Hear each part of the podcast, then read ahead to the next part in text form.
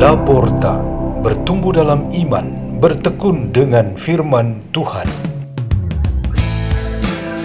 Radio Laporta, pintu terbuka bagimu untuk pertumbuhan pengetahuan dan kebijaksanaan tentang Allah.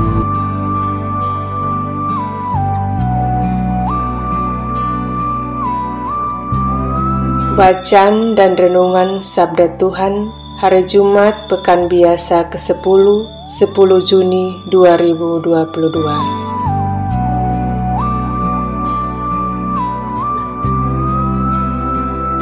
dibawakan oleh Suster Yulita dan Suster Hesti dari komunitas Novisiat RVM Matani, Penfui Kupang, Paroki Santo Yosef Pekerja Penfui, Kuskupan Agung Kupang.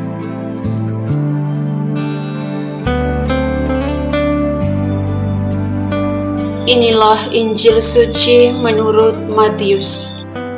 Dalam khotbah di bukit, Yesus berkata, Kalian telah mendengar sabda, "Jangan berzina."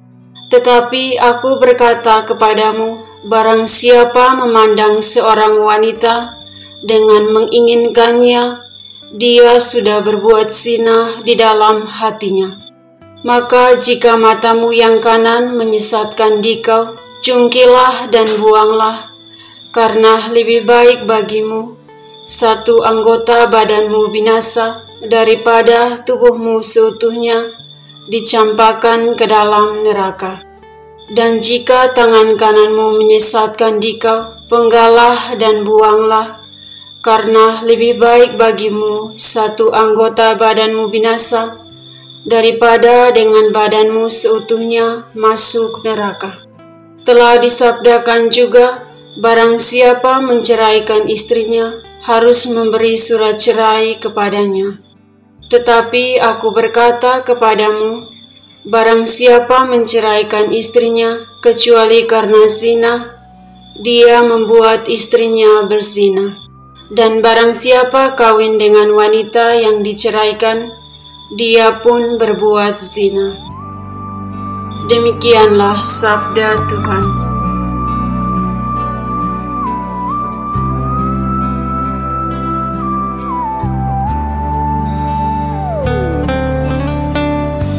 Renungan kita pada hari ini bertema makhluk wanita. Di dalam bus kota yang penuh dengan penumpang sore hari itu, seorang wanita muda tersulut emosinya dan membentak lelaki yang berada di sampingnya. Penumpang berdiri berhimpitan adalah keadaan normal hampir setiap hari, tetapi wanita itu tidak bisa menelorir mata lelaki itu yang memandang dirinya tanpa kedip. Lelaki itu justru memandang dengan penuh nafsu, karena dipandangnya wanita itu langsung kelekuk-lekuk tubuhnya yang dibalut pakaian yang modis. Komunikasi yang terjadi antara lelaki dan wanita itu berbentuk ancaman. Perbuatan tidak adil berupa ancaman dan sikap negatif lainnya terhadap wanita usianya sama dengan usia kehidupan di dunia.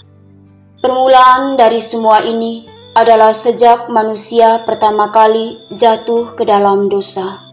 Sebagai bentuk hukuman yang diterima, seperti yang dikatakan oleh kitab kejadian, permusuhan antara ular yang menjadi simbolisasi setan atau kuasa jahat dengan wanita akan berlangsung terus selama ada dunia ini.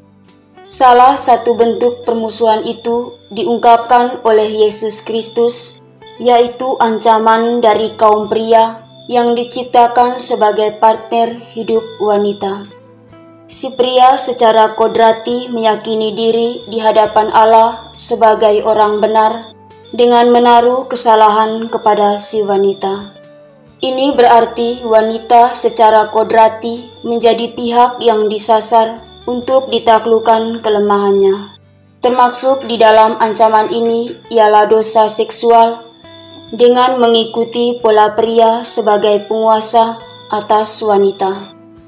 Dosa monopoli nafsu seksual ini bertentangan dengan prinsip kesetaraan pria dan wanita yang sangat kodrati.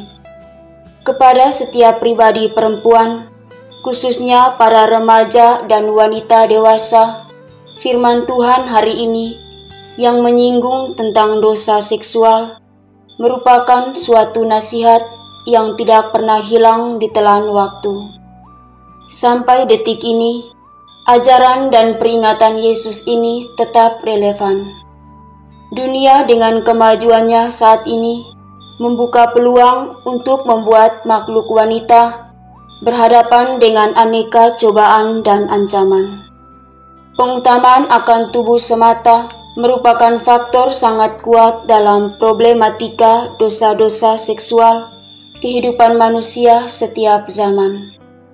Tubuh wanita sangat mulia dan suci, dan kaum wanita sendiri paling pertama yang harus menjaga dan melindunginya.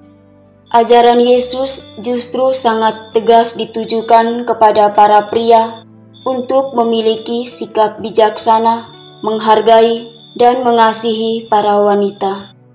Kaum Hawa dihadirkan oleh Tuhan untuk membuat hidup kaum pria lengkap dan utuh tanpa ada wanita atau keberadaannya tidak sehat dan memprihatinkan, pasti merugikan juga kaum pria.